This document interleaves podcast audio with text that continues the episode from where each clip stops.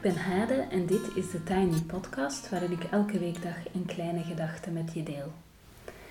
Vandaag is het 16 september 2020 en de kleine gedachte gaat over ondernemen. Deze week bestaat mijn bedrijf immers één jaar en heb ik het elke dag over een dualiteit in het ondernemerschap. Maandag ging het over ik versus wij, dus op jezelf staan versus bij een groter geheel horen. Dinsdag ging het over zekerheid versus onzekerheid. En vandaag heb ik het over allround versus specialist. Toen ik vroeger in loondienst was, was echt het walhalla, werkte ik samen met een team van secretaresses. Het kantoor werd uiteraard gepoetst door een team dat ochtends vroeg of s avonds laat kwam. We hoefden er helemaal niets van te merken dat onze prullenbak werd leeggemaakt en dat er gestofzuigd werd onder ons bureau. Er was een afdeling marketing, een afdeling communicatie, er waren juristen in huis. Als ik kopietjes nodig had, dan deed iemand dat voor mij. Ehm, ja, als er een afspraak moest ingepland worden, deed iemand dat. En het mooiste was dat we moeders hadden. Twee vrouwen die de tafel dekten en een verse lunch op tafel toverden. Compleet met slaatjes, gekookte eitjes voor wie dat wilde en hagelslag. Als ik zelf naar een organisatie moest, dan kreeg ik een lunchpakketje mee voor in de auto, als ik dat graag wilde. En die moeders die wisten uiteraard dat ik vegetariër ben. Die wisten ook waar ik wel en niet van hield. En menigmaal zat ik ja, ik was altijd een soort van. Ik denk dat ik een talent heb voor chaotisch zijn en gehaast zijn. Dus ik stormde dan altijd last minute met uh, mijn computertas op hoge hakken uh, voorbij die moeders dus de deur uit. En die stopte mij dan nog snel mijn lunch in mijn handen. En dan uh, stelde ik de GPS in en dan ging ik rijden, zeg maar. En dan keek ik naast mij op de bijrijderstoel en daar lag dan dat lunchpakketje met de dingen die ik graag lustte. Twee broodjes en een stukje fruit. En dat vond ik altijd zo ontroerend dat ik dan, uh, nou, in, in al mijn chaos die ik dan toch wel heb, of toch vaak had, denk ik, dat ik dan uh, toch nog wel een lunch kreeg uh, in een zakje. Nou, fast forward naar mijn leven van nu. Ik zit op mijn kantoortje. Vanochtend heb ik al gestofzuigd, want als ik dat niet doe, dan, ja, dan wordt er niet gestofzuigd. Ik kijk nu, als ik mijn ogen opsla, dan zie ik twee tassen die naar het oud papier moeten. Ik weet niet hoeveel dagen dat zal klaarstaan, maar ze staan daar dus al even klaar. En uh, ik zie ook nog vanuit mijn ooghoek een pak uh, post dat weg moet, dat ik naar de post moet brengen. En wat ik niet kan zien, gelukkig, om het hoekje, daar staat een dienblad vol vuile kopjes die ik nog moet afwassen. Um, ik drink geen koffie, want er is geen koffiemelk meer en ik lust hem niet zwart. Uh, ik had koffie moeten halen en dat heb ik niet gedaan. Er is ook geen honing meer voor in de thee. Als ik daar uh, zin in heb, dan moet ik ook nog even halen. En ik heb op een gemiddelde dag, meestal doe ik echt allerlei werk waar ik vroeger afdelingen voor had en waar andere mensen vaak afdelingen voor hebben. Wat ik doe op een dag, buiten dus afval wegbrengen, stofzuigen, post uh, doen, koffie maken, zorgen dat ik koffiemelk heb, zeg maar, al die basics. Uh, wat ik op een dag doe, is proberen mijn mails uh, te beantwoorden. Dat vind ik zelf echt een heel... Nou ja, er zijn heel veel mensen die zich verliezen in zo het, het beantwoorden van mails en het voortdurend bezig zijn met dat soort dingen. Maar ik ben eerder iemand die heel erg geneigd is om het inhoudelijke werk heel veel voorrang te geven. Maar ik vind het heel moeilijk om dan zo al die praktische dingen op te volgen. Zoals dus mails beantwoorden, appjes beantwoorden enzovoort. Niet omdat ik dat niet wil, maar omdat ik dat dan goed wil doen en niet ook snel, snel even. Wat ik ook heb gedaan op een gemiddelde dag, uh, zelf afspraken ingepland, post klaargemaakt, inhoudelijke teksten geschreven, de social media gevoed, uh, facturen gestuurd, een offerte gemaakt, een rekening betaald enzovoort.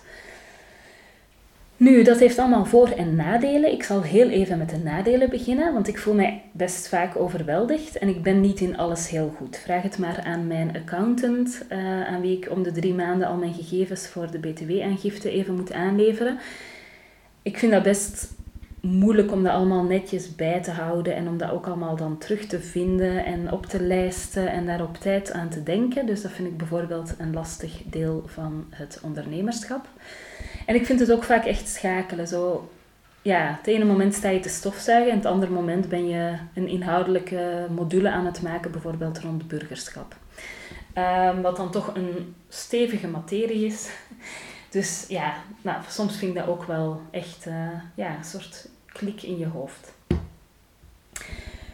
Het voordeel echter, of de voordelen, het voordeel is dat, het, ja, dat alles wat er gebeurt is van mij en het gebeurt ook op mijn manier. Ik ben bijvoorbeeld niet zo dol op vaak stofzuigen, dus dat doe ik dan niet vaak. Uh, maar bijvoorbeeld als ik post verstuur, vind ik het echt wel heel fijn om dat met liefde te doen, tenzij het naar bijvoorbeeld de belastingen is, maar ik bedoel dan naar mijn cursisten, vind ik het heel fijn om dat heel zorgvuldig te doen en met een persoonlijke boodschap. En dat, ja, dat was iets wat ik eigenlijk vroeger niet mocht doen. Um, omdat dat, ja, dat ik natuurlijk te duur was om uh, leuke posts te zitten maken. Uh, en nu kan ik gewoon bepalen dat ik dat wil doen. En dan doe ik dat op de manier die ik graag wil. En volgens mij is het ook best gezond om zelf je prullenbak leeg te maken en je kopjes af te wassen. Het houdt je met beide benen op de grond en het biedt ook weer een goede afwisseling met het denkwerk. Dus soms, nou ja, weet je, er zit iets in de gedachte van dat mensen um, vooral het werk moeten doen waarvoor ze zeg maar opgeleid zijn. Dus dat je een soort specialisme hebt en dat je vooral dan daarmee bezig bent. Dat is heel efficiënt. Maar anderzijds denk ik ook dat het voor mensen heel goed is. Nou ja, ik zal een voorbeeld geven. Um, bijvoorbeeld onze voedselvoorziening hebben wij min of meer uit handen gegeven aan, weet ik veel, boeren, supermarkten, de hele industrie. Um, en ik had een vriend die een zware depressie kreeg en die heeft zich daar letterlijk, buiten medicatietherapie, heeft hij zich daar uitgetuineerd. Um, die is zelf groenten gaan verbouwen en zo terug contact maken met dat basic proces wat tuinieren is, wat je eigen groente kweken is. Volgens mij is dat ontzettend gezond. Um, en het is veel minder idyllisch uh, en Instagram-waardig om uh, je eigen prullenbak te legen of je eigen kopjes af te wassen. Maar ik geloof zelf dat zo het voeling houden met de basics, dat dat gewoon, ja, dat dat gewoon echt gezond is om als mens niet in een soort van, ja, mentale nepwereld uh, te verzeilen. Ja, ik weet niet hoe, of ik het goed uitleg, maar dat is alleszins wel... Nou ja, ik, ik hoop dat het begrijpelijk was. Maar ik denk dus dat het ook goed is om af en toe iets met je handen te doen. Om uh, bijvoorbeeld zelf je post te versturen, zodat je meer connectie voelt ook met... Je, ja, bij mij zijn dat dan cursisten. Voor anderen zijn dat dan misschien klanten. Um, ja, dus ik geloof wel, eigenlijk geloof ik daar wel in dat het belangrijk is om daar een soort balans in te hebben. Alleszins, zo het, uh, nou, er is hier veel achtergrondgeluid, er wordt afval opgehaald. Dat is heel mooi binnen het thema. maar uh, wat ik wil vertellen, zo dat contrast tussen all-around en uh, specialisme, dat was iets waar ik op voorhand niet echt bij had stilgestaan voor ik ging ondernemen. En ik denk dat dat ook super normaal was. Was ook niet echt iets wat ik uh, in overweging had moeten nemen, denk ik. Um, nou ja, maar het is wel iets waar, als ik nu terugkijk op dat eerste jaar, vond ik het wel een aanwezig iets, zeg maar. Dat je voor alles verantwoordelijk bent, van het wegbrengen van het papier tot het zorgen dat je koffiemelk hebt, tot het betalen van je rekeningen. Dus dat vond ik wel, nou ja, best interessant aan het ondernemerschap het voorbije jaar, dat je zo die hele breedte wel... Ja, je hebt gewoon verantwoordelijkheid over alles. Dus na één jaar ondernemen kan ik zeggen dat ik hier de baas ben en de poetshulp en de afwasser en degene die de boodschappen doet of dat vergeet en degene die de lunch klaarmaakt of dat vergeet. Nu moet ik wel zeggen dat ik tegenwoordig bijna elke dag uh, thuis ga lunchen. Um, omdat ik de kinderen dan ook even kan zien. Dat vind ik een van de mooie voordelen ook van zelfstandigen zijn. Um, ik ben degene die de telefoon opneemt, of dat toch probeert te doen, die de e-mails beantwoordt of dat toch probeert te doen. En ik ben ook degene die de social media beheert, of dat toch probeert te doen. En de nieuwsbrieven schrijft, of dat toch probeert te doen. Ik ben ook degene die de inschrijvingen beheert. Ik ben hier de relatiemanager En ik betaal de rekeningen. Dat dus allemaal. Voilà. Tot daar de kleine gedachten voor vandaag. Ehm, even nog vertellen dat ik gisteren uh, jarig was als ondernemer en daarom heb ik twee dagen lang een kortingscode. En die kortingscode is jarig. Ehm, en daarmee krijg je 20% korting op mijn hele cursusaanbod voor de herfst en de winter. Dus alles wat er nu op mijn website, die je via de gegevens ehm, die bij deze, de toelichting bij de podcast staat, een linkje naar mijn agenda. Dus daar kan je mijn cursussen vinden. En met de code jarig kan je je dus inschrijven, gisteren, maar dus ook vandaag, op alle cursussen die je wil. 1, 2, 3, nou ja, ga helemaal los zou ik zeggen. En je krijgt dan 20% korting. En ik wil graag nog iets vertellen over een cursus die er aankomt uh, binnenkort. Moet ik heel even mijn agenda erbij nemen om te kijken wanneer dat, dat dan precies is. Voilà. Dat is in februari start er een cursus Storytelling. En dat is een cursus waarbij je leert om je eigen verhalen te vertellen, dus autobiografische verhalen over gebeurtenissen in jouw leven. Ehm, en daarvoor krijg je allerlei dingen aangereikt om die verhalen op een goede manier uh, te vertellen.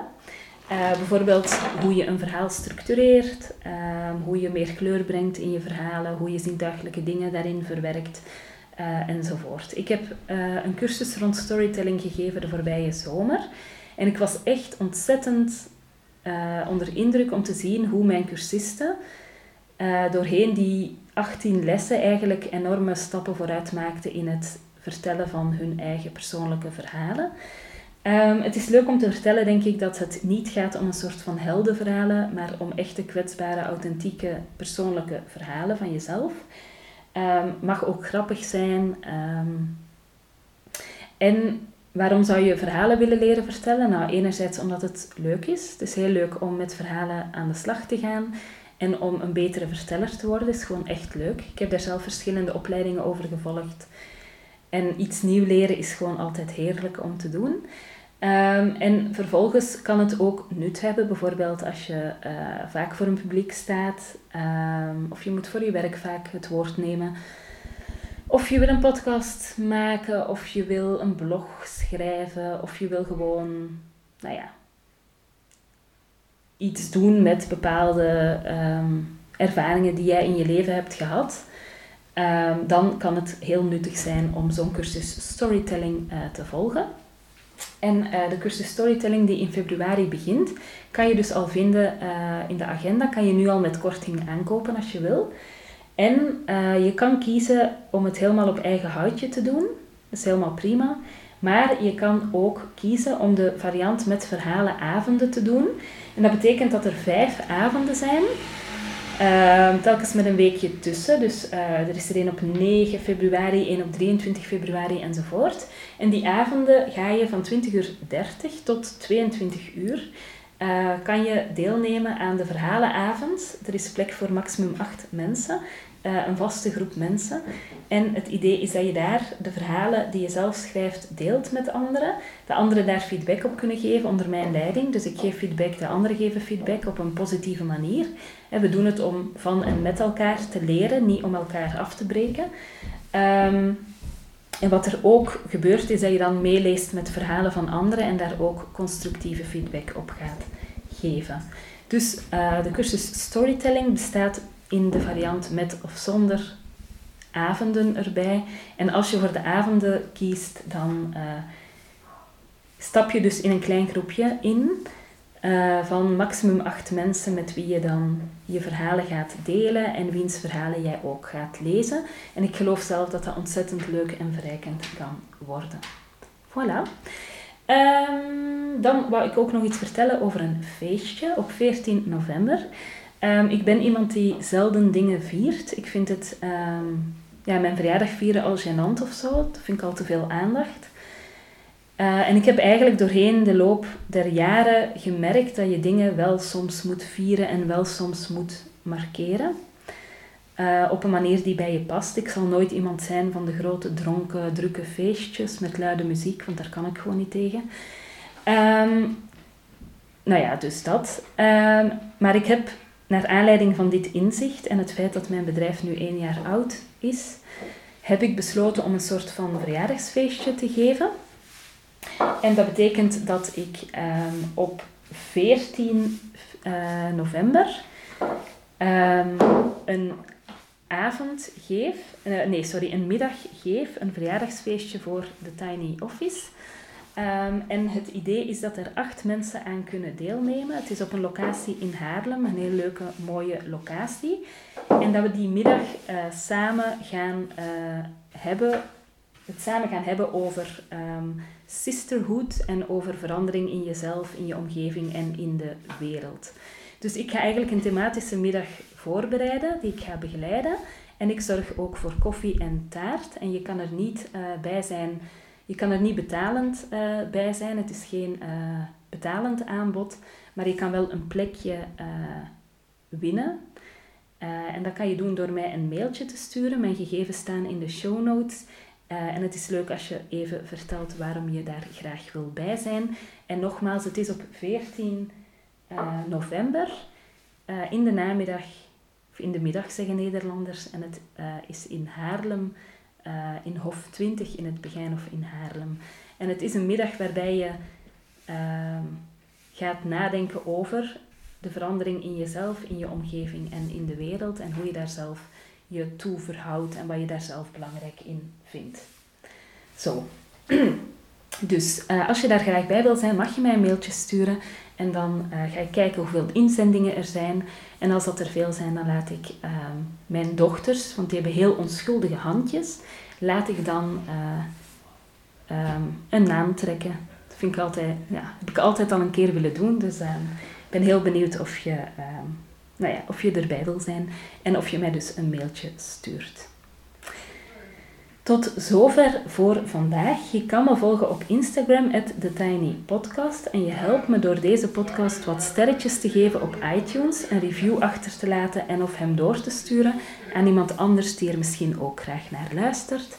Ik wens je een fantastisch fijne dag en tot later. Dankjewel.